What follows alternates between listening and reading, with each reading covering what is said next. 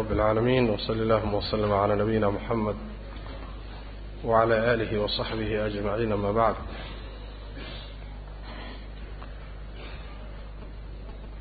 فيقول المؤلف رحمه الله تعالى ومن غاظه مكانهم من الله فهو مخوف عليه ما لا شيء أعظم منه يعني الكفر لقوله عز وجل محمد رسول الله wuxuu ka hadlayey oo uu ku dhex jiray imaamku muctaqad ahli الsunna waاljamaca fi الsaxaaba ahlu sunnaha waxay ka rumaysan yihiin saxaabada nebiga sal اlla alay slam iyo mowqifkooda arrintaasuu ka hadlayay marka wuxuu soo sheegay inay qabaan saxaabadu inay ummadda ugu fadli badan yihiin. Ummadda inteeda kalena dadka iyaga raacay oo ixsaanka ku raacay shardigaas ayaa u fiican. Arrintaasuu marka sii wadaa wuxuu leeyahy waman qaadahu ruuxii ay ciil geliso ama ay xumayso makaanuhum booskooda saxaabada booskooda min allaahi alle ay ka joogaan. Booska ay alle ka joogaan ruuxii uu ka xanaajiyo ama ka xumaada ama ciil iyo cadho ka qaado fa huwa kaasi makhuufun mid loo baqayo wey calayhi korkiisa maa shay baa looga baqayaa. Laa shay-a shay acdama uusan ka weyneyn minhu xaggiisa. Yacni waxaa looga baqayaa shay wax ka weyn uusan jirin. Oo muxuu yahay? Yacni wuxuu ka wadaa alkufra gaalnimaa looga baqayaa. Liqowlihi tacaala liqowlihi odhaahdiisa darteed alla uu yidhi caza wajalla muxamedun rasuulu ullah muxamed waa kii alla soo dirsaday. Waaladiina kuwa macahu la jirankiisa ee la socday rumeeyeyna ashidaa'u kuwa ad adag wey cala alkufaari gaalada korkooda. Ruxamaa'u kuwa naxariista weeye baynahum dhexdooda isu naxariista. Taraahum waxaad arkaysaa rukacan iyadoo iyagoo rukuucsan sujadan oo sujuudsan. Yabtaquuna oo raadinaya fadlan dheeraad oo min allaahi alle xaggii ka ahaaday iyo wa ridwaanan riday raadinayaan. Ilaahay dheeraadkiisa iyo ridihiisay raadinayaan. Siimaahum astaantooda ama calaamadoodu oo fii wujuuhihim wajiyaalkooda ku sugan min athari sujuu fii wujuuhihim bay ahaatay dheh. Siimaahum calaamooyinkoodu fii wujuuhihim wajiyadooday ku sugan tahay min athari sujuudi sujuudda raadkeeda xaggiisa xalay kaatay ama darteed. Yacni sujuudda raadkii ay wejigooda ku samaysay raadkaas ayaa calaamadii astaan u ah daalika arrinkaasi mathaluhum sifadooda wey fi tawraati tawraat fi tawraati tawreed dhexdeeda ay ku tilmaanaayeen sifaadkaa hadda la sheegay kitaabkii tawreed ahee nebi muuse calayhi salaam lagu soo dejiyey ayay sidaa ugu sheeganaayeen oo tilmaamaha loogu sheegay. Wa mathaluhum sifadooda fil injiili injiil dhexdeeda ay ku sifaysan yihiin tilmaanta lagu sheegay injiilna waxa weeyaan ka zarcin oo kale waay. Waa sidii beer yacani geed beer ah oo akhraja soo saaray. Shad'ahu mataankiisa soo saaray ama lamaanihiisa soo saaray. Oo fa aasarahu markaa xoojiyey. Kii kale uu ka soo garabaxay ama mataanka u noqday ayuu markaa xoojiyey. Faistaqlada waa adkaaday.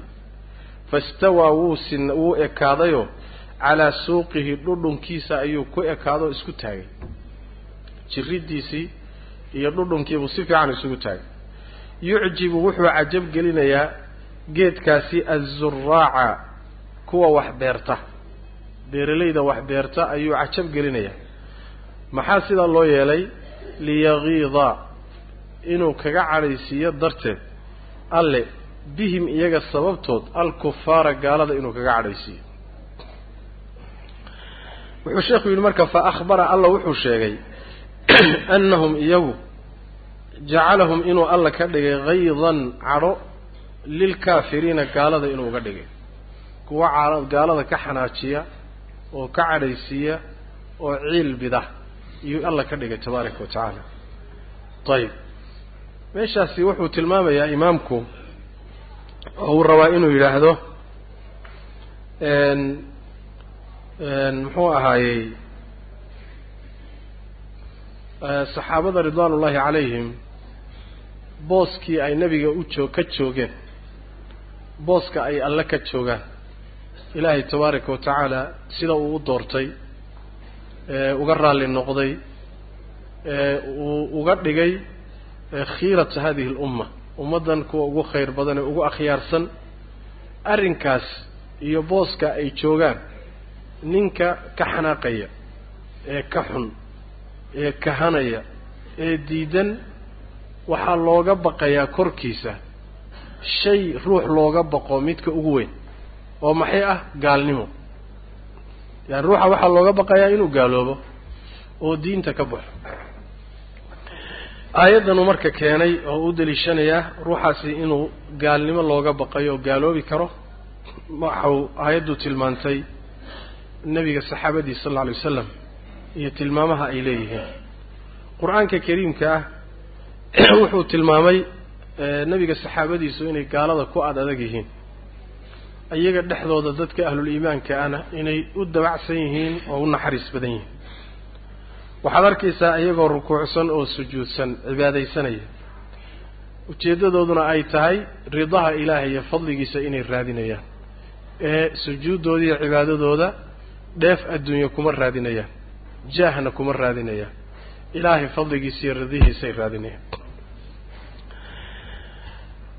Calaamadda lagu yaqaanee lagu garanayana wejigooday ku taallaayo raadka sujuuddu ay samaysay ayay wejigooda ka muuqda. Raadkaasi wejiga oo qallafe lagama wado ama wejigoo boogoobo lagama wado ee waxaa laga wadaa sujuudda iyo waysada iyo cibaadadu ruuxa waxay ku samaynaysaa iftiin iyo dhalaal bay siinaysaa. Lagu garanayo ruuxani inuu yahay ruux ilaahay ku xidhan. Saas macnaha. Marka taasaa laga wadaa marka calaamadoodu waxa weeye wejigooday ka muuqataa raadkii sujuudda ayayna calaamadaasi ka timid. Marka astaan saasay leeyihiin sidaasi sifaadka noocaasa waxaa lagu sheegay oo sidaa loogu sheegay kitaabkii tawreed ah nebi muuse lagu soo dejiyey caleyhi wacalaa nabiyina asalaatu wasalaam nebi maxamed saxaabadiisa iyo ardadiisu inay tilmaamahaa leeyihiin tawreed bay ku taalla injiilna waa lagu sifeeyey oo nebiga atbaacdiisa iyo saxaabadiisu tilmaam bay ku lahaayeen. Kitaabka injiil ee nebi muuse nebi ciise lagu soo dejiyey isagana waxay ku tilmaanaayeen mithaal iyo tusaale cajab badan baa laga bixiyay mithaalkaasi waxaa lagu mithaaliyey sidii geed beer ah. Geedka beerta ah waa geed aada u ladan oo yacani warow helay. Markaasuu intuu wuxuu bixiyey geed kale oo mataankiisa ah. Shad'iga waxaa la yidhaahdaa shad'iga waa geedka geedka ku lamaan ama jiridda ay wadaagaan ama ka garab baxa oo ay isku dheggan yihiin oo isxoojinayaan kaasaa waxaa la yidhahdaa shad'iga la yidhaahdaa a marka geed geed mataan ah ama lamaano ah soo saaray.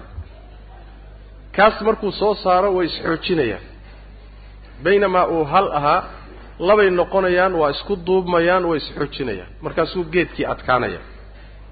Dhudhunkiisa iyo jiriddiisu si fiican isugu taagaya. Arrintaasina waxay cajabinaysaa oo aada ugu bogayaa dadka beeralayda ee wax beerta zuraacda mithaalka fahano waxa weeyaan geedku waa nebi maxamed salawaatu rabbi wasalaamu calayh mataanta ka garab baxday ama lamaanaha ka garab baxayna waa saxaabadiisii waay.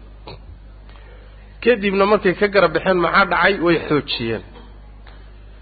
Geedkii mabdi'ii caqiidadii tawxiidkii ayaa marka istaagay. Dhudhunkiisuu ku istaagay.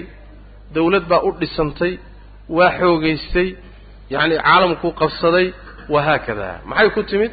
Nebi maxamed oo dacwo bilaabay keligii isagoo ah laamahaasoo dhinacyihiisa ka baxayo saxaabadiisiioo xoojiyey kadibna waxaa soo baxday awooddaa xoogga badanee istaagtay ee lala wada yaaban yahay.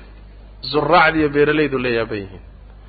Muhimmaddu marka taa hore ma aha. Qasadku waxa weeyaan allah tabaaraka wa tacaala wuxuu sidaa uga dhigay liyagiida bihim alkufaar inuu gaalada ku cadhageliyo haa markay gaaladii nebi moxamed sal lla lay slam dacwadiisii hor istaagi kari waayeen.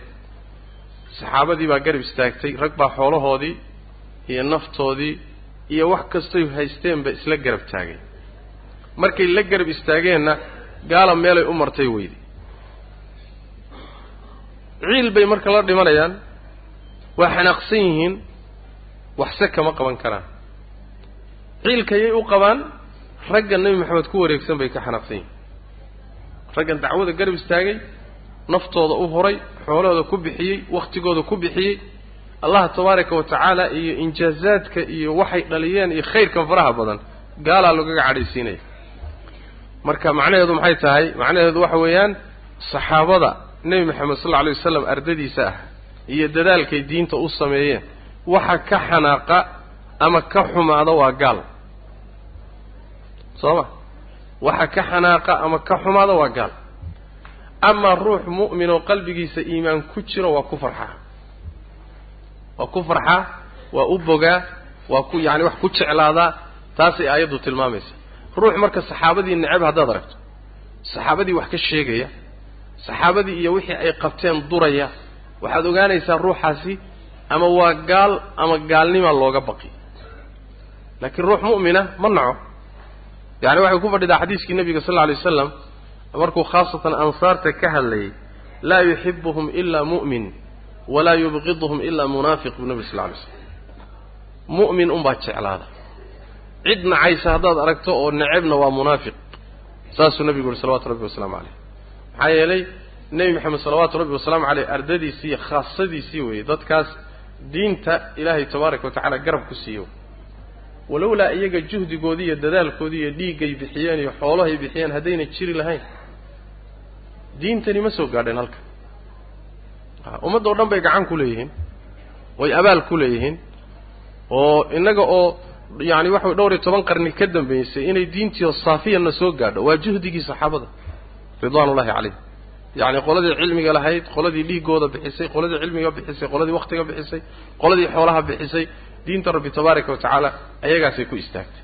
Marka ninka necab macnaa diintii ay faafiyeen buu necbi marka liyagiida bihim alkufaar ayib aayaddaa iyada ah waxaa deliishaday oo u deliishaday alimaamu malik caleyh raxmat ullah alimaamu malik ibnu anas imaamu daari ilhijra sheekhii imaamu shaafici ayaa wuxuu u deliishaday inay nimanka shiicada la yidhahdo raafidadu ay gaalo yihiin. Raafidadu waa kooxda ugu xoog badan shiicada. Itna cashariyana waa la yidhaahdaa.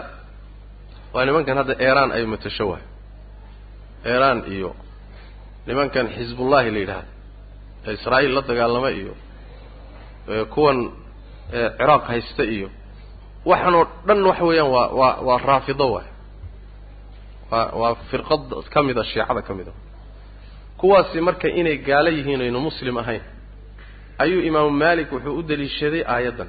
See buu ugu deliishaday. Sida soo socota. Wuxuu leeyahy alimam ibnu kahiir caleyh raxmat ullah wa min hadihi alaayati intazaca alimaamu malik fii riwaayatin canhu takfiira arawaafid aayaddaasuu kala soo baxay imaamu maalik in ay raafidadu gaala yihiin. Aladiina yubqiduuna asaxaaba kuwa saxaabada necab. Wuxuu yidhi liannahum yagiiduunahum maxaa yeelay saxaabadii bay u cadhaysan yihiin? saxaabadii bay ka xun yihiin saxaabadii bay xiqdi u hayaan. Waman qaada asaxaabata fa huwa kaafir buuyihi ninkii saxaabada ciil u qaba oo saxaabada necab oo saxaabada ka xunna waa gaal buu buuyihi lihaadihi alaaya maxaa yeele aayaddan oo alla yidhi.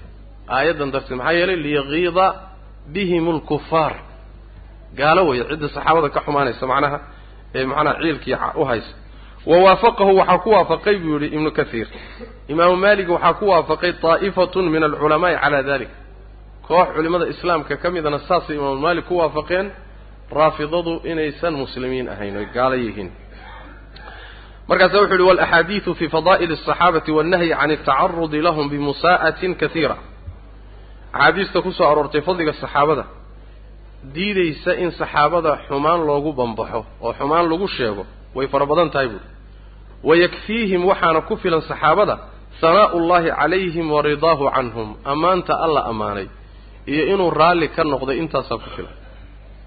Taskiye iyo ammaan intaa ka siyaasan uma baahna sidaas daraaddeed baa culimmada ahlu sunnuhu ijmaacoodu wuxuu ku dureersaday saxaabada dhammaantood inay cuduul yihiin. Oo marka laga hadlayo baabuljarxi waaltacdiil iyo cilmulxadiid laga hadlayo nin saxaabi ah marba hadduu xadiidku gaadho lagama hadlo ma daciif baa mise waa muxuu ahaay mise waa hiqo leesh lianna asxaabu rasuulillaah nin inuu taskiyeeyo uma baahnaba ilaahay baa taskiyey. Ya nin caalim ah ama sheekh taskiye ugama baahna. Rabbigood baa taskiyeyey tabaaraka wa tacaala oo ammaanay oo raalli ka noqday. Intaasaa ku filan. Saas way macanaha ayib wuxuu sheekhu yidhi marka fa ahbara wuxuu sheegay alle annahu alle fa akhbara wuxuu sheegay annahu alle jacalahum saxaabada inuu ka dhigay haydan ciil iyo cadho lilkaafiriina gaalada inuu ka dhigay gaalada inay cadho geliyaan oo ciil geliyaan oo ay mabda-oodii burburiyaan ku adkaadaan diinta ay necab yihiin iyo tawxiidka ay faafiyaan gaaladu ay necab tahay inay faafiyaan sidaa ay ciil iyo cadho ugu noqdaan ayib wa qaaluu saxaabadu waxay yidhaha wa qaaluu ahlu sunnahu waxay yidhahdeen aayaddaas sidoo kale alimaamu malik caleyh raxmatullah isagana waxaa kaloo laga hayaa raafidada ama shiicadu. Wuxuu yidhi ka mid ma aha dadka ilaahay tabaaraka wa tacaala feyga xoolaha gaaladu ka cararto laga qabsado markii la qaybinayay dadka wax laga siinayo kuma jirta buuri shiicadu maxaa yeelay saddex qolo buu ilaahay u sheegay in feyga la siinayo qolada koowaadi waxa weeyaan lilfuqaraa'i almuhaajiriina aladiina ukhrijuu min diyaarihim. Qolada koobaad qoladaa waa muhaajiriinta fuqaradooda. Qolada labaadi waxa weeyaan waaladiina tabawa'u addaara waaliimaana min qablihim oo ansaartii ah. Qolada saddexaadna waaladiina jaa-uu min bacdihim yaquuluuna rabbana اغfir lana waliikhwaanina aladiina sabaquuna biاliimaan kuwaa qolada ka dambaysa oo iyaguna lagu sifeeyey in ay leeyihiin ilaahuw noo dembi dhaaf annagiiyo walaalahanagii iimaanka nooga horreeyey qalbiganagana xiqti ha u gelinin iyo hilli qoladaas saddexaad waa qoladaas marka raafidadu wuxuu yidhi muhaajiriin ma aha qaطcan ansaarna ma aha qaطcan qoladaasi ansaar iyo muhaajiriin u ducaynaysana maaha marka xaggay ka soo gelayaan bu yidhi marka. Waana sax istidlaal sax wa mar haddii fayga laga qadiyeyna fayga muslimiinta oo dhan baa iska le meesha waxay kutusaysaa marka inayna muslimiinta u tirsanayn.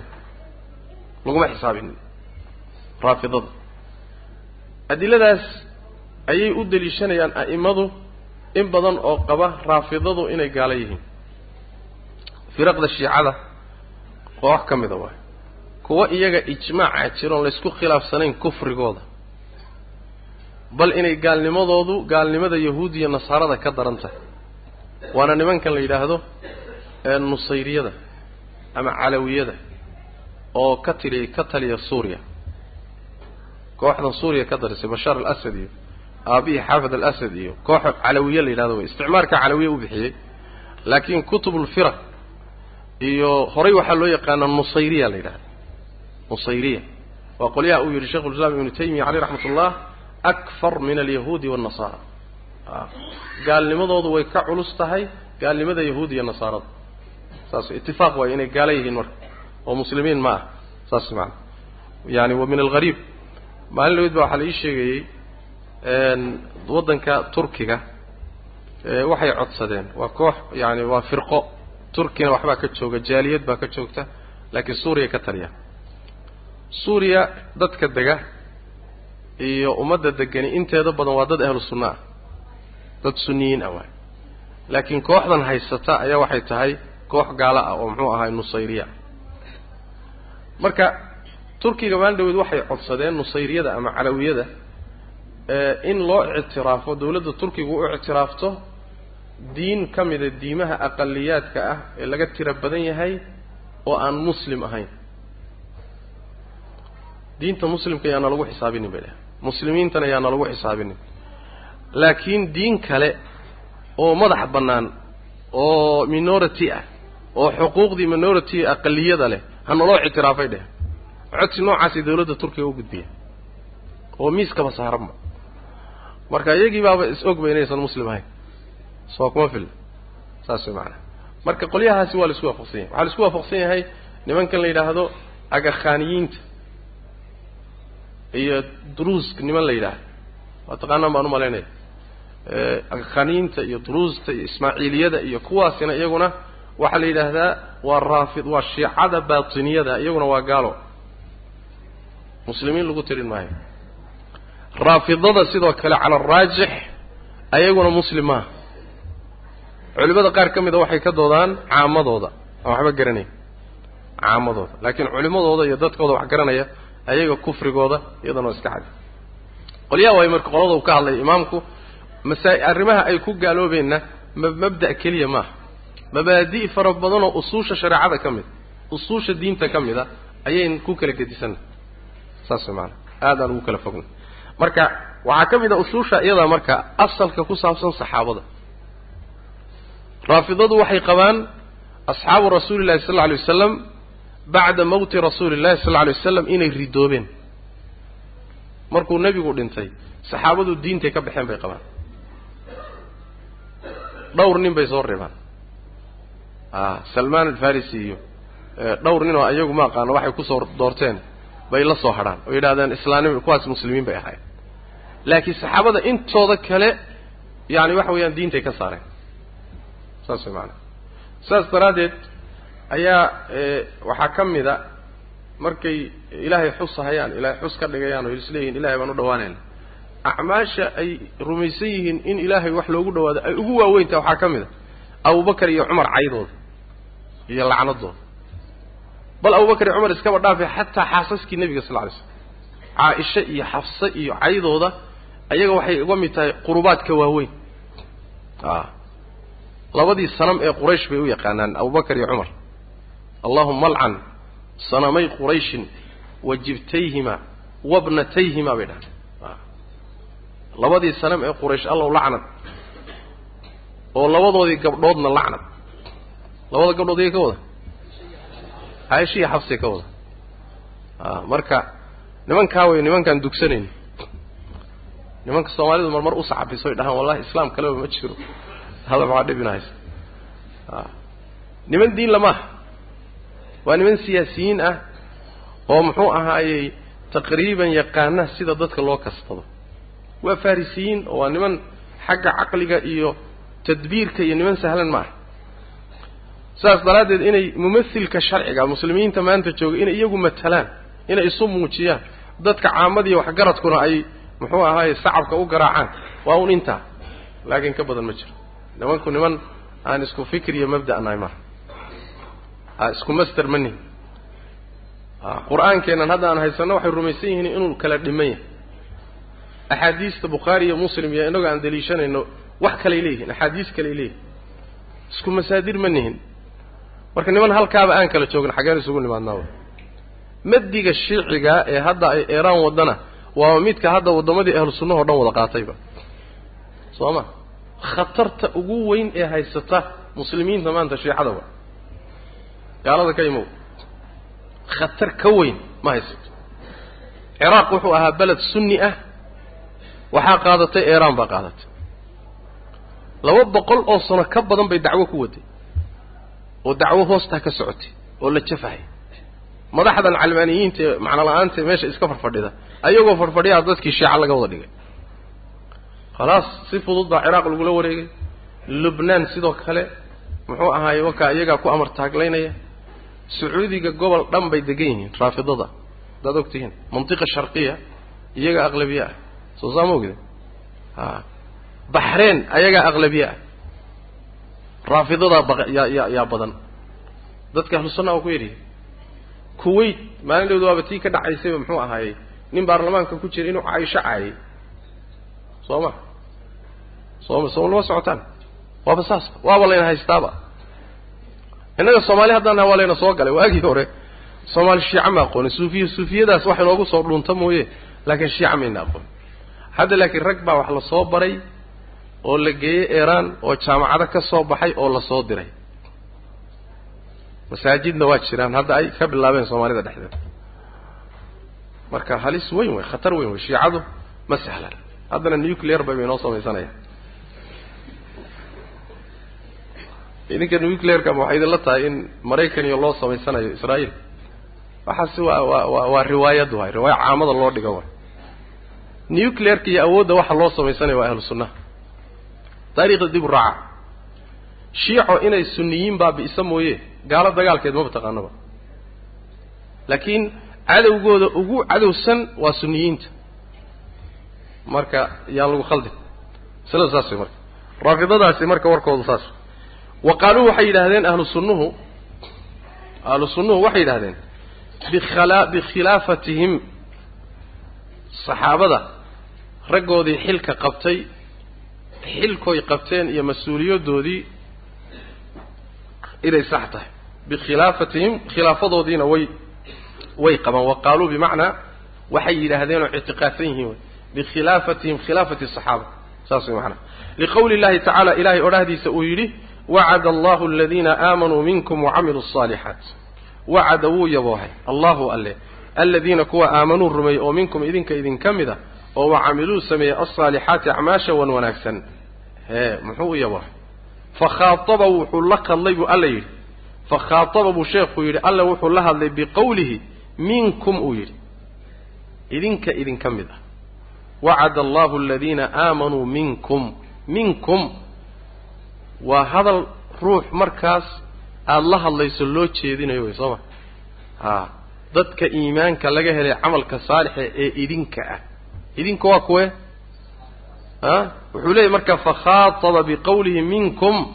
Yuu la hadlay man nazalat buu kula khidaabay ciddii ay soo degtay al-aayatu aayaddu ay soo degtay walxaal huwa isagu maca nebiy nebiga la jirankiisa u yahay. Calaa diinihi diinta nebigana uu ku dul sugan yahay fa qaala markaasa wuxu uhi bacda dalika markaa kadib a wacada allahu aladiina aamanuu minkum hadalku wuxuu u dhacayaa buu yidhi dadkii markaa aayaddu soo degaysa nebiga la joogay rumaysnaa ooyay yihiin markaa saxaabadii soo maa ayib maxaa loo yaboohay marka waxaa loo yaboohay layastakhlifannahum inuu u dambaysiinayo fil ardi dhulka dhexdiisa inuu ka khaliif yeelayo mas'uuladii mas'uuliyaddiiyo talada dhulka uu u dhiibayo ayib kama istakhlafa siduu u khaliif yeelay oo kale aladiina kuwii min qablihim iyaga ka horreeyey sida kuwii iyaga ka horreeyeyba alla uu dhulka khilaafadiisa ugu dhiibay buu kuwanna khilaafadooda ugu dhiibaya wala yumakkinanna wuu makanin oo wuu makanin wuu hansiin oo wuu hansiin lahum iyaga diinahum diintoodu hansiin alladii diinkaasoo irtadaa lahum alla uu raalli uga noqdo makanintu waxa weeyaan si buuxda oon cabsi lahayn in ay diinkooda u qabsadaan oy u muujistaan. Walayubadilannahum alla wuu ugu bedeli. Min bacdi khawfihim cabsidooda kadib amnan buu u bedeli. A cabsida hadda ay qabaan oo markaasi dee waxa weeyaan dad waxay ahayn laga tiro badan yahay oo laga xoog badan yahay oo gaaloo dhan isugu tagtay oo tabartoodu iska yar tahay oo tiradoodu yar tahay cabsi baa jirta alla marka waxay walayubadilannahum min bacdi khawfihim amnan. Cabsiday hadda qabaanna ammaan buu alla ugu bedeli doonaa. Yacbuduunanii xaalay caabudayaan. Laa yushrikuuna bi shay-an anigana ayna waxba ila wadaajinayn waa inta ay ani keliga i caabudayaan. Bimacnaa hadday shirki la galo shirkigaasi istikhlaafkiibuu luminaya. Saas macnaha waa jumla xaaliya yacbuduunanii laa yushrikuuna bi shay-an. Aayaddaa wuxuu doonaya imaamku inuu udeliishado wuxuu rabaa inuu u deliishado saxaabada khilaafadoodii iyo taladoodii iyo mas'uuliyaddii ummadda ay u qabteen in ay sax tahay. Xagee laga qaadanayaa lianna allah tabaaraka wa tacaala markuu ballanqaadkaa bixinayo inuu dhulka taladiisa u dhiibayo ayaguu la hadlayay inuu makaninayo diintooda. In cabsida uu nabad ugu bedelayo intaasoo dhan dadka lagula khitaabayay iyagay ahaayeen. Waana makaniyey allah tabaaraka wa tacaala yacni nebiga salawaatu rabbi wasalaamu calayh marka uu dhimanayo waxay ahayd mar ay jasiiratulcarab gacantiisa soo gashay. Markuu saa u dhintayna xilkii abubakar baa la wareegay saan soo sheegnay isaguna meeshii buu ka sii waday. Keliya waxaa ku dhacday abubakar markuu saa nebigu u dhintayba carab baa ridowdoo diintii ka noqday. Kuwa nebinimo sheeganayaa meelo ka soo baxay. Qabiilooyinkii ugu adadkaa diintay ka noqdeen oo iska cusbaaba. Dhowr magaalaa ku soo hadhay islaamkii abubakar muhimmaddii ugu weynayd ee waajahday ee uu wax ka qabtay isu taagay waxay ahayd dadkaa ridoobee diinta ka noqday in shaqo laga qabto. Wakhtigiisana hawshaasuu ku mashquulsanaa. Leanna mushkilo gudaha waa adiga mushkilo gudaha hadday ku qabsato dibad uma socon karta.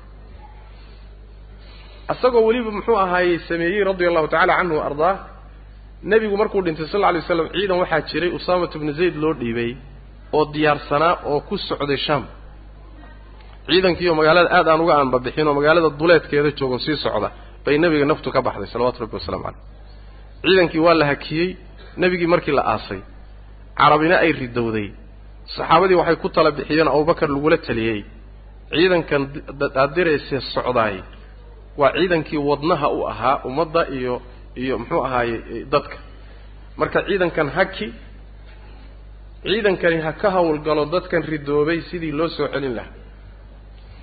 Abubakar markaasaa wuxuu yidhi calan uu nebi maxamed guntay furi maayo buuri ciidanku ha socdo. Meeshii nebigu ugu talagalay u dirayna ha u socdo. Ciidamadii kale muslimiintuu diyaariyey waa ka laba iyo toban jiho u kala diray ciidamada. Wakti gaaban gudaheedna ku soo afjaray riddadii. Yacni waxay ka mid tahay min almawaaqif oo yacni qaaliga ah oo abubakar uu lahaa radia allahu tacala canhu ardaa labinadii iyo asaaskii uu isagu dhigay ayuu markii dambe cumar ka intilaaqay. Ilaan isagoo gudihii isku xidhay oo adkeeyey oo dadkii gaaloobay qaar soo celiyey qaarna ka saaray meeshoo laayey oo ummaddii isku duuban tahay ayuu ka tegey cumar baa yimi cumar marka waxaa u soo hadhay inuu futuuxaadkii dibadda iyo jihaadkii dibadda sii wado.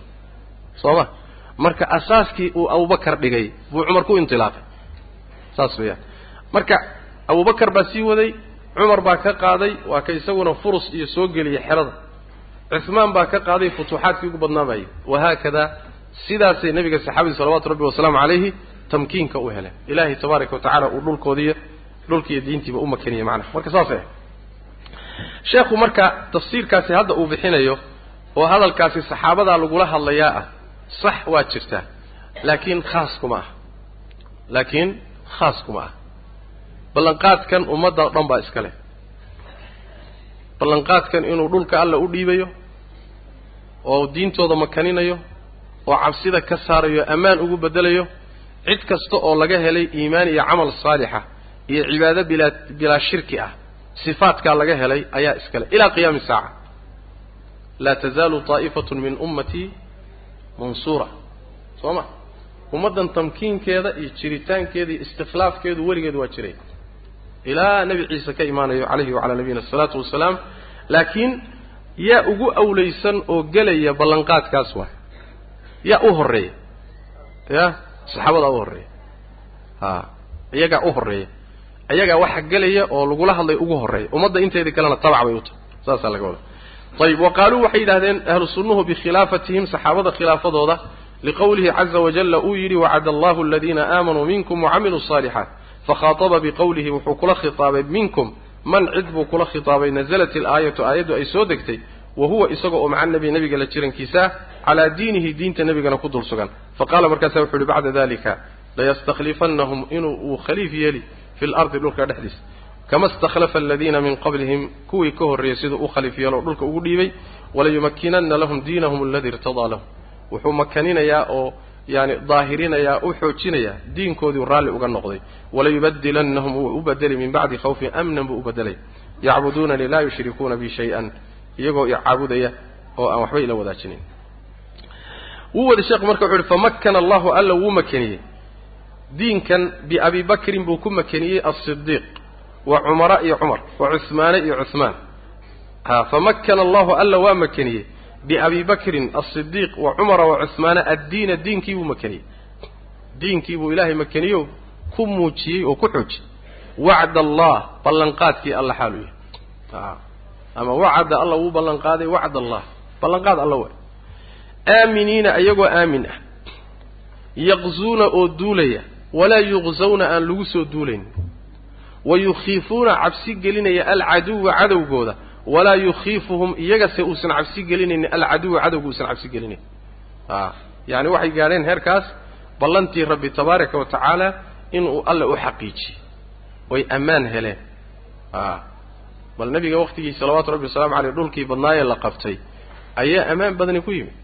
A nebigu sal lla alay wasalam markay saxaabadu u sheegteen oo ammaan darrada uga sheegteen oo dhib badan sheegteen waa kii ku yidhi waa degdegina. Ha degdegina. Ilaahay tabaaraka wa tacaala diinkan waa dhammaystiri doonaa.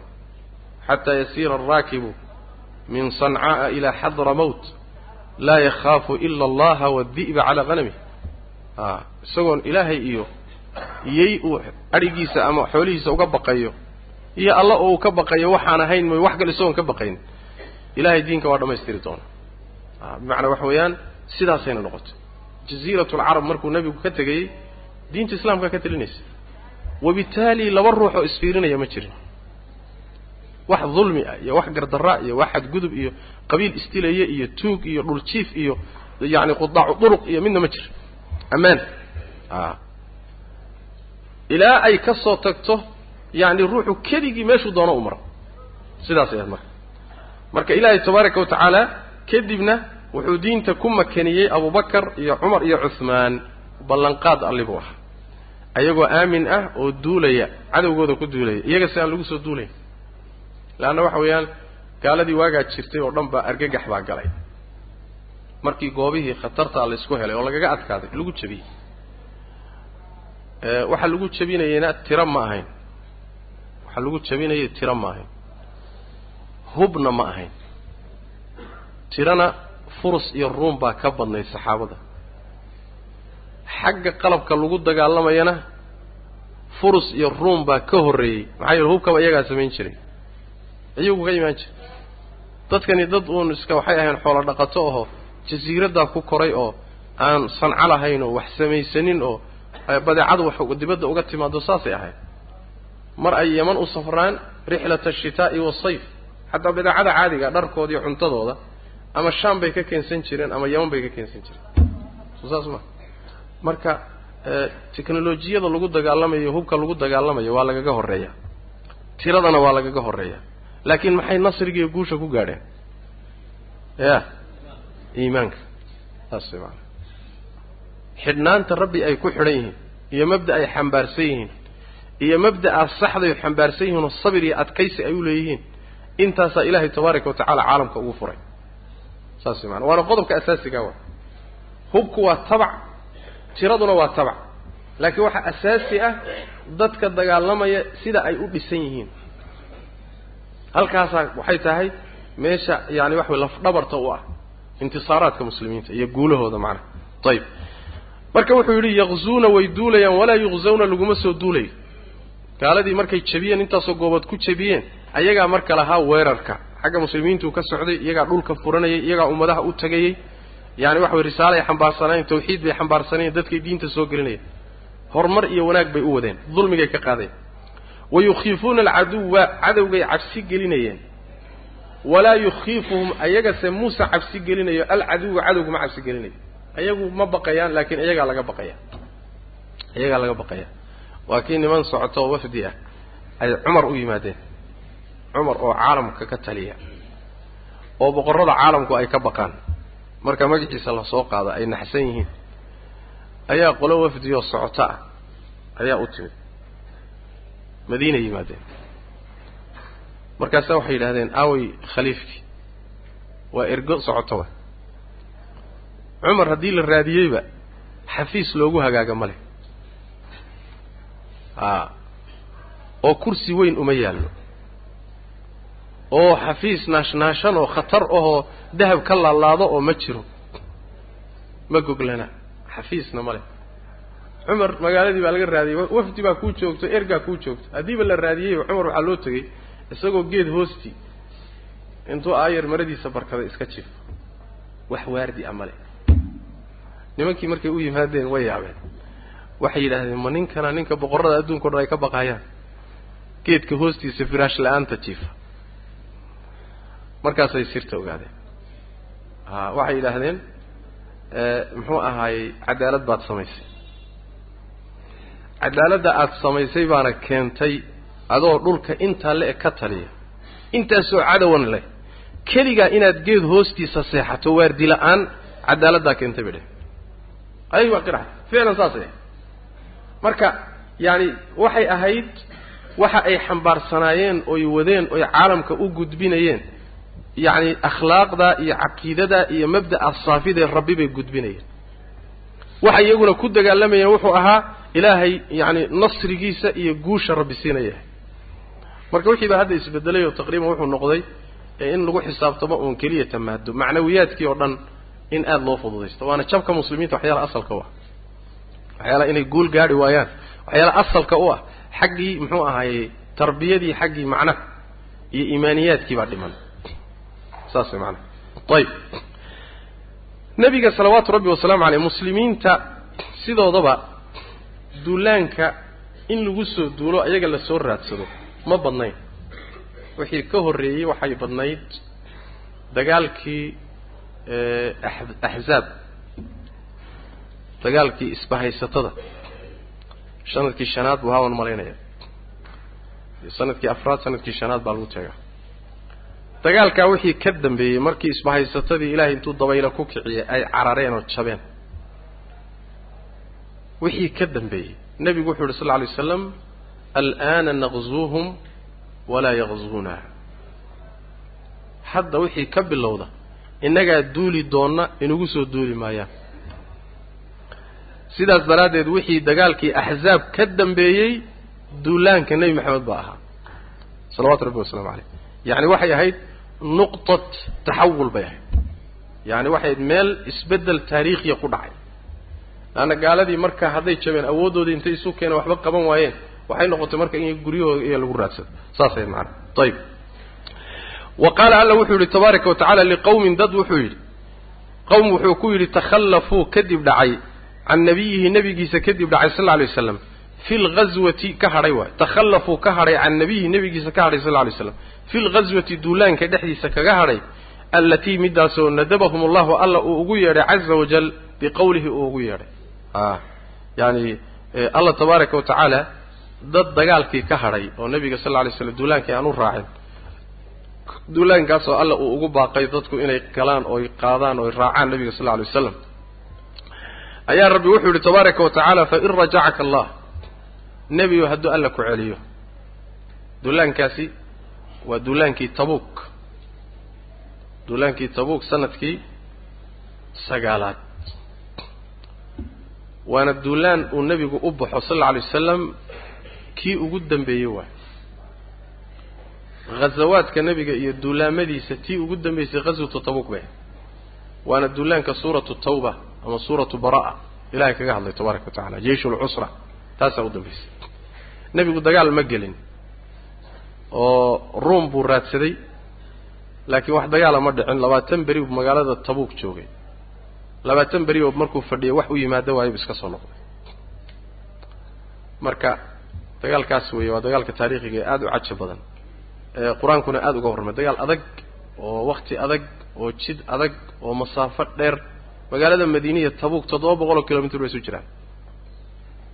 Toddoba boqol oo kilomitr oo saxaro ah oo jasiiratulcarab oo taqaanaan ninkii tegey baa garanaya xilliga ay kulaylahay tahay waxay gaadhaysaa konton iyo ziyaaday gaadhaysaa. Xilligaasay ku baxeen. Waa meesha lagu kala hadhay. Marka taasay ahayd.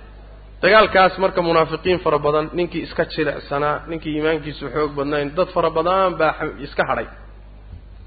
Soo ma nebiga markuu duulaankii ka soo noqday baa marka aayaddan lagu leeyay fain rajacaka allahu hadduu alla ku celiyo nebigu ilaa daa'ifatin koox xaggeeda hadduu kuu celiyo oo minhum munaafiqiinta ka mid oo fasta'danuuka ay idanku weydiistaan lilkhuruuji bixitaan duulaan kalood u baxayso inay ku raacaan hadday idanku weydiistaan faqul waxaad tidhaahdaa lan takhrujuu bixi maysaan maciya la jirankayga abaddan weligeed dib dambe weligiin i raaci maysaan walan tuqaatiluu mana dagaalami doontaan maciya la jirankayga caduwan wax cadowa cadow dambood dagaalkii ii raacaysaanna ma jiro.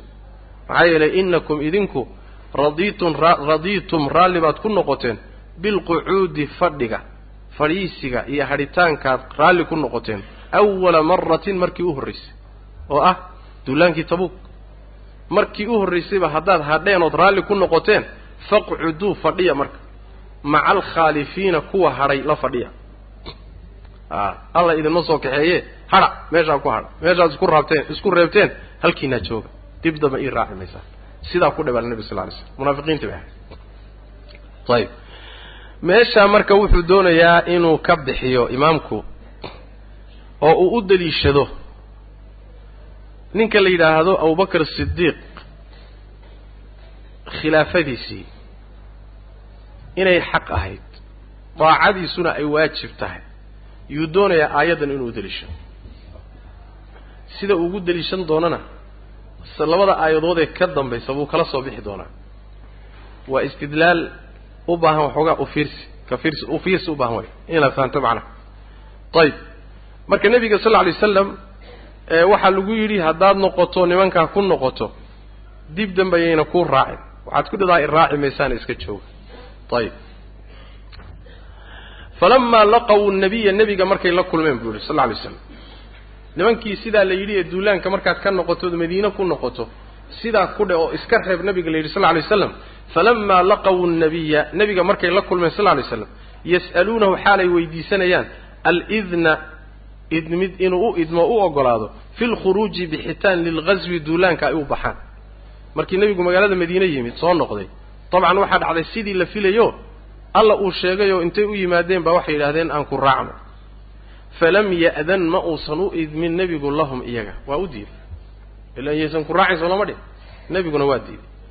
Anzala allahu allah markaa wuxuu soo dejiyey caza wajal sayaquulu waxay dhihi doonaan almukhallafuuna kuwa la dibdhigay ida intalaqtum markaad baxdaan ilaa maqhaanima haniimooyin xaggooda markaad u baxdaan mu'miniintiiyo markaad haniimo doonataan oo gaalo dagaalkeed iyo haniimadeed aadaan kuwii la dibdhigay waxay dhihi doonaan. Haa sayaquulu waxay dhihi doonaan almukhallafuuna kuwa la dibdhigay ida intalaqtum markaad aadaan ilaa maqhaanimo haniimooyin lita'khuduuha si aad u soo qaadataan haniimooyinkaas dabcan waa dagaal dee haniimo dagaal baa ka horray soo ma. Dagaal aada haniimo ku soo qaadanaysaan markaad aadaan waxay dhahayaan daruunaa nadaaya natabickum aan idin raacne. Warnima hana reebine nadaaya yuriiduuna waxay doonayaan an yubadiluu inay bedelaan kalaam allahi ilahay hadalkiisa inay bedelaan bay rabaan. Oo ahaa yaana idin raacin. Soo ma? Hadalkii rabbiyo xukunkiisii bay bedeli rabaan. Ee qul waxaad tidhahdaa nebigow lan tattabicuuna na raaci maysaan. Kadalikum sidiina oo inaydaan na raacina ayuu qaala allahu alla yidhi min qablu horaan. Xugum rabbi waa mana na raacaysaan fasayaquuluuna markaasaa waxay dhihi doonaan bal iskaba dhaafe arrinku saas ma ahe ilaahay nama diidine taxsuduunanaa idinkaa naxastaya. A warnimayo ma ahee ilaahay nooma diidine idinkaa xasad baa idin wado waxaad rabtaan in aanaan haniimada idinla wadaagin. Haniimadaasaad noo diidantiin. Eniyo xasadka iska daaya idin dhihi doonaan fasayaquuluuna waxay dhihi doonaan bal taxsuduunana waa naxadnaysaan bal iskaba dhaafe arrinku say sheegeen maehe kaanuu waxay ahaayeen laa yafqahuuna kuwa aan fahmaynin ilaa qaliilan wax yar mooye. Waxay fahmaanba waa uun xoolo iyo haniimo bas. Ya. Mabda ha la xaqiiji. Diin ha la kor yeelo. Yacni gaala ha la iska celiyo. Janno ha la raadsado. Ilaahay ha la raali geliyo ma fahmaan. Laakiin maxay fahmaan? Xoolaha la qaybsanaya ka qayb gala. Ya ilaa qaliilan. Fiqigoodaa qaliil ah. Waxaa ma fahmaan? Sidaa rabbi ba ku sheegay tabaaraka wa tacala ayib muxuu rabaa marka inuu yidhaah wuu sii wadaa wa qaala wuxuu yihi lahum iyaga alla wuxuu ku yidhi. Nimankii markii sidaa loo reebay oo markay yimaadeen oo yidhahan aan idin raacnana haniimada aan idinla soo qaadanana la yidhi hadha nama raacaysaan allah xukumay maxaa ka dambeeyey wey? Wa qaala alla wuxuu yihi lahum iyaga wuxuu ku yidhi. Qul waxaad tidhahdaa nebigu lilmukhallafiina kuwa la dibdhigay oo la reebay oo min alacraabi reebaadiyaha waxaad ku tidhaahdaa sooma qamaamayaanoo aan idin raacno hanaxasdinoo soomay laha imtixaan baa la gelinaa marka. Qul waxaad tidhaahdaa lilmukhallafiina waxaad ku tidhahdo min alacraabi ah satudcawna waa laydin yeedhi doonaa. Ilaa qawmin qowm baa laydinku yeedhi doonaa. Oo qowmkaasoo uli ulii ba'sin dagaal u saaxiiba shadiidin oo adag. Niman dagaal iyo ah oo aad u adag baa lay dagaalkooda laydinku yeedhi doonaa. Tuqaatiluunahum xaalaad la dagaalamaysaan. Aw amase yuslimuuna ilaa an yuslim ilaa ay ka islaamaan waad la dagaalamaysaan ilaa ay ka islaamaan soo laydinma kari lo hanaxastina ma lihidin maxaad rabtaan? Maxaan rabnaa inaan dagaalamo. Maxaa jihaadkana loogu diidanya soo jihaad ma rabtaan? Qolo adag oo dagaal iyo hamiina baa soo socdoo laydiin wadaaye. Sugaa la soo baxa. Ayib fa in tudiicuu marka haddaad yeeshaan qoladaa la dagaalankooda haddaad yeeshaan yu'tikum allahu alla wuxuu idin siinayaa ajran xasanan oo wanaagsan buu idin siina wain tatawallow haddaad jeedsataanna oo dagaalkii adkaa marka laydinku yeedho aada markaad daba jeedisaan ood iska carartaan kamaa tawallaytum min qablu? Hadda ka horba si aad u jeedsateen waa tabuuk soo maha isagoo u wato way macnaha horaanba si aad u jeedsateen haddaad jeedsataan yucadibkum alla wuxuu idin cadaabi cadaaban cadaab aliiman oo xanuun badan. Markaa hede waa laydinka shaqayn waay. Waxaa caddaanaysa markaa inaydan dagaal iyo jihaad u soconine niman hun guri doonaa tiina xoolo doon ah soo ma? A dagaal sooma rabtaan. Raggeedii baa laydinku yeedhi. Dagaal raggiisii ayaa laydinku yeedhi meeshan laakiin waxoogaa haniimada ah aad ka filaysaan maya. Ayib see buu marka u daliishanaya aayadahan oo dhan wuxuu isu saarayaa sheekhu inuu ku yidhaahdo khilaafadii abubakar sax bay ahayd daliil bay aayadahani u yihiin in la ateeco abubakar bayna ku tusayaan. Say kugu tusayaan way marka. Wuxuu yidhi marka waaladiina kuwa kaanuu ahaa fii cahdi rasuuli llahi sal ly slam nebiga wakhtigiisii axyaa'a kuwa nool ahaa khuutibuu waxaa lagula hadlay buu uhi bidalika arrinkaa aayadahaasaa lagula hadlay. Goormaa lagula hadlay lamaa takhallafuu markay ka hadheen canhu nebiga ka hadheen. Wa baqiya waxaa hadhay minhum xaggooda fii khilaafati abi bakrin wa cumara wa cuhmaana saddexdaasi xilligay xilka hayeen dad baa ka soo hadhay. Fa awjaba wuxuu waajibiyey alle lahum iyaga wuxuu u waajibiyey. Qoladaas soo hadhay bitaacatihim in ay ateecaan yacni iyaahum abubakar iyo cumar iyo cuhmaan inay ateecaan. Aljra fa awjaba wuxuu u waajibiyey lahum iyaga bitaacatihim adeecidooda iyaahum ay adeecayaan abubakar iyo ragga la midka ah. Alajra ajri buu ilaahay u waajibiyey. Wa bitarki taacatihim adeecidooday ka tagaanna wuxuu u waajibiyey alcadaaba alaliima cadaab xanuun badan buu u waajibiyey. Iidaanan ogeysiin darteed waay. Oo min allaahi alla xaggeeda ka ahaatay xaggiisa ka ahaatay bikhilaafatihim raggaa khilaafadooda la ogeysiinayo laa jacala allahu alla ma yuusan yeelin. Laa jacala allahu alla ma yeelo. Waa baryo. Laa jacala allahu alla yuusan yeelin. Fii quluubinaa qalbiyadanada dhexdooda hillan xiqdi liaxadin ruux oo minhum iyaga ka mida alla uma yeelo. Fa idaa habata hadday sugnaatay marka khilaafatu waaxidin mid khilaafadiisa oo minhum ka mida afas yani yani khulafada intadama markaa waxaa taxmaya minhaa khilaafadaa sugnaatay khilaafatu larbacati afartii kale khilaafadoodii baa saa u taxmaysa. Masaladu marka wax yar aan dib ugu noqono aayadahaasi xaggee bay kaa tusayaan oo looga deliishanaya khilaafada abubakar wabitaali khilaafatu halaatha albaaqiya. Wuxuu leeyahy aayadda hore ka soo bilow. Aayadda hore ka soo bilow. Waxa weeye horta culimmada aayadahan sidan isugu deliishaday isa saaray. Halkaana ka soo saaray inay ku tusayaan khilaafadii abubakar waa a'imo dhowr ah. Waxaa ka mid a imaamu shaafici. Waxaa ka mid a alimaam ibnu xasmi waxaa ka mid a abulxasan alashcari waxaa ka mid a abubakar ismaaciiligan hadda kitaabkiisa aan dul taaganay. A'immadaasaa halkaas mariyo fahamkaa kala baxay aayadahaas. Say u deliishanayaan waxay leeyihiin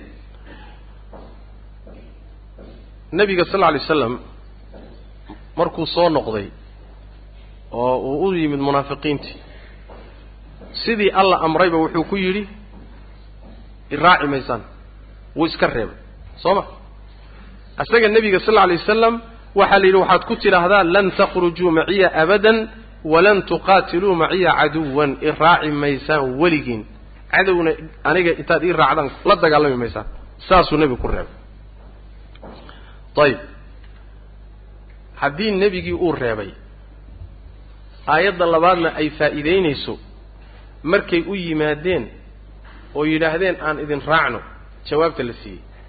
Oo maxay ah? Reebidii un soo ma? Waa laydiska reebay. Oo waxaa la yidhi muxuu ahaayey qul lan tattabicuuna kadalikum qaala allahu min qablu na raaci maysaan baa la yidhi. Soo ma nebiga waxaa lagu amray iska reeb. Markuu yimid ay u yimaadeen oo damceen inay raacaanna wuu iska reebay. Ayagiiyo nebigu halkaasi ku kala dhammaadeen sal alla alay waslam soo ma? Nebigu wuxuu dhintay isagoo iska reebay. Isagoo hee iska reebay. Oyna duulaan u raacin. Dagaalna uusan u ogolaanin ayuu nebigu sal lla alay slam saa ku tiri. Aayaddan dambe marka u fiirso. Maxay tidhi qul lilmukhallafiina min alacraabi satudcawna ilaa qawmin uli ba'sin shadiid satudcawna yaa u yeedhi doona marka. dadaalka dagaalkan dambe ee lagu imtixaanayo ee dadka dagaalyahmiintae khatarta a la leeyahay la dagaalama hadday daacad aad tihiin cidda ugu yeedhi doonta ila nebiguuba iska reebay yuu yahay marka. Ya abubakar baa u yeedhi doona way marka. Ma fahamteen? A nebi maxamed sal lla alay waslam waa la amray inuu iska reebo. Ficlanna markay u yimaadeen wuu iska reebay halkaasay ku dhammaatay. Yaa waaye marka cidda ugu yeedhi doontae laga hadlaya satudcawna ilaa qawmin ulii ba'sin shadiid. Cidda la leeyahay wuu idiin yeedhi doonaa oo qolo dagaalkoodu adag yahay buu idinku yeedhi doonaa oo ama aada la dagaalamaysaan ilaa ay ka islaamaan oo la leeyahay markaa kadib fa in tutiicuu haddaad isagaa idiin yeedhay ateecdaan yu'tikum allahu ajran xasanan yaa waaye kaas la adeecay daacadiisana alla waajibay waa abubakar bay dheheen soo ma? Ila nebiga maba ahaba. Nebiga inuusan maxaa ku tusaya? Aayadaha horaa ku tusaya. Isagu mana u yeedhin mana u yeedhanin mana kaxaysanin uu iska reebay. Cidda dib uga yeedhi doonto abubakar abubakar markuu u yeedho ciidankaas adag iyo qolyaha dagaalkooda adag yahay ugu yeedhana waxaa la yidhi fa in tutiicuu haddaad adeecdaan abubakar yu'tikum allahu ajran xasana. Wa in tatawallow haddaad jeesataanna ood ka jeesataan ah can taacati abi bakrin waay. Abubakar inaad adeecdaan oo dagaalka uu idinku yeedhay aad ku adeecdaan haddaad ka jeesataan oo diiddaanna hee yucadibkum cadaaban aliima maxay ku tusay marka ayaddu daacatu abi bakrin inay waajib tahay khilaafadiisuna sidaa ku aayaddu kugu tusay. In la khilaafana cadaab xanuun badan uu ka imaanayo. Khilaafadiisa halkaasay yaa laga qaadanayaa bay leeyahay daacadiisuna saasay waajib ku tahay. Istidlaalka ma la fahmi? Saa markaad u fahamtaan? Aan dib ugu noqonno marka. Istidlaalkaasi sax maaha. Istidlaalkaasi aimadaasi ay mareen sax maaha. Leesh. Lianno aayadda hore oo fain rajacaka allahu ilaa طaa'ifatin minhum faاsta'danuuka lilkhuruuj aayaddaasi waa suuradday ku jirta. Suuratu tawba. Duulaankay ka hadlaysa waa kee? Waa tabuuk. Tabuuk duulaan ka dambeeyey oo nebigu uu duulay ma jiro. Aayaddaasi marka waa tabuuk. Tabuuk markuu ka soo noqday oy gaaladii u munaafiqiinta u yimaadeen oy u cudur daarteen wuxuu ku yidhi iraaci maysaan dagaal dambe ilana bixi maysaan. Sidaad u fadhiisateen baad u fadhinaysaan. Halkaasuu ku reebay. Aayadahan kale labadan aayadooda kale. Suuradday ku jiraan? Suurad? Suurat lfatxi bay ku jiraan. Ayib suurat lfatxi xaggey ku soo degtay? Ya xudaybiyay ku soo degtay xudaybiya goormay ahayd. Xudaybiya waxay ahayd sannadkii lixaad. Soo ma heshiiskii xudaybiya markuu nebigu galay oo uu soo dhammaaday oo uu soo laabtay oo uu jidka ku soo jiro ayay soo degtay suuratu lfatxi soo ma marka waxa laga hadlayay labadani ay ka hadlayaanna waa sannadkii lixaad. Sanadkii lixaad kadib nebi maxamed sal alla alay wasalam dagaallo ma galay oo dad ugu yeedhay. Ya wuu galay. Leanna xudaybiye markuu saa uga soo noqdayba waxaa dhacay dagaalkii khaybar. Soo ma? Ee yahuudda nebigu sal lla alay slam magaaladoodii khaybar uu ku qabsaday. Haniimooyinkii xoolaha fara badanna lagu helay. Aayadda marka hore ee leh sayaquulu lmukhallafuuna ida inطalaqtum ilaa maghanima waxay ka hadlaysaa haniimooyinka waa khaybar. Markii laga soo noqday meesha la yidhaahdo xudaybiya oo nebigu khaybar u ambabaxay khaybar khaybar dagaalkeedii la galay xoolihii laga helay reer xudaybiya keliya la siiyey. Xudaybiye raggii ka qayb galay ayuu nebigu u qaybiyey sal lla alay slam allahuma waxaa laga qaybgeliyey keliyata nimankii muhaajiriintii xabasho ka yimid. Ila sannadkii toddobaad bay soo ma yacani raggii jacfar raggiisii oo intii maka la joogay ardulxabasha u hijrooday ayaa markaa nebiga sal lla alay waslam ugu yimid meesha ugu yimid. Ayagoo ardulxabasha ka soo noqday. Qoladaasaa nebigu sal lla alay waslam haniimadii wax ka siiyey. Haniimadii khaybar baa marka laga hadlaya hadday waxay ku dhihi doonaan ida inطalaqtum ilaa maghanima munaafiqiintii marka magaalada madiine joogay ayaa caadadoodu waxay ahayd dagaalka nebigu u baxayo. Hadday is yidhaahdaan wallahi dagaalkani yani dagaal badan iyo muqaawamad badan lala kulmi maayo. Iska caabin fara badan ma jirto lagu dhiman maayo. Xoolana waa laga soo helaya markaa nebiga way raacayaan. Haddayse is yidhahdaan wallahi meeshan waa lagu hoobanahaya ya markaa marmarsood iyo islaantii baa iga umulaysa iyo xoolaa iga lumay iyo mid baa iga jiran iyo nin walba muxuu faryaro bixi buu ka baxay. Saasay ahayd marka khaybar markay soo baxday iyo yahuud baa la aadayaa baa waxay codsadeen aan ku raacna a maxay u socdaan marka? Haniimooyinka waa haniimo doon markaasaa waxaa lagu yidhi ilaahay hadalkiisay rabaan inay bedelaane waxaad ku tidhahdaa na raaci maysaan sidaasuuna alla xukumay. Markaa way markay leeyihiin waad naxastaysaan a khaybar waxaad noo diidantihin haniimadeeda inaad naga qayb gelisaan. Ayib markaa kadib baa waxaa timid in iyagii la imtixaano si looga salgaadho waxay sheeganayaan. Ilaan waxay muujisanayaan inay jihaad u socdaan dagaal loo diidan yahay. Xaqiiqaduna waxay tahay inay hunguridoon yihiin. In marka la fadeexeeyo bannaanka la soo dhigo waay markaasaa waxaa la yidhi aayadda dambe qul lilmukhallafiina min alacraab satudcawna ilaa qawmin ulii ba'sin shadiid. Khaybar warkeeda iska daaya haniimaa loo socdaaye waxaad samaysaan dagaal adag oo lagu hooban oo rag adag layseli doono baa laydinku yeedhi doonaa haddaad adeecdaanna markaa waad qumantihin haddaad jeedsataanna markaa waa laydin cadaabi. Beenaalayaal baa tii munaafiqiin soo ma? Ayib su'aasha waxay tahay marka. Bacda khaybar ma jirtaa nebigu sal alla alay wasalam inuu dadka duulaan ugu yeedhay? A maxaa ka dambeeyey khaybar? Dagaallo fara badan baa ka dambeeyey. Fatxu makaa ka dambeeyey. Waxaa ka dambeeyey xunayn baa ka dambeeyey. Soo ma? Oo dagaalkii khatartahay ree hawaasin lala galay waxaa ka dambeeyey daa'if baa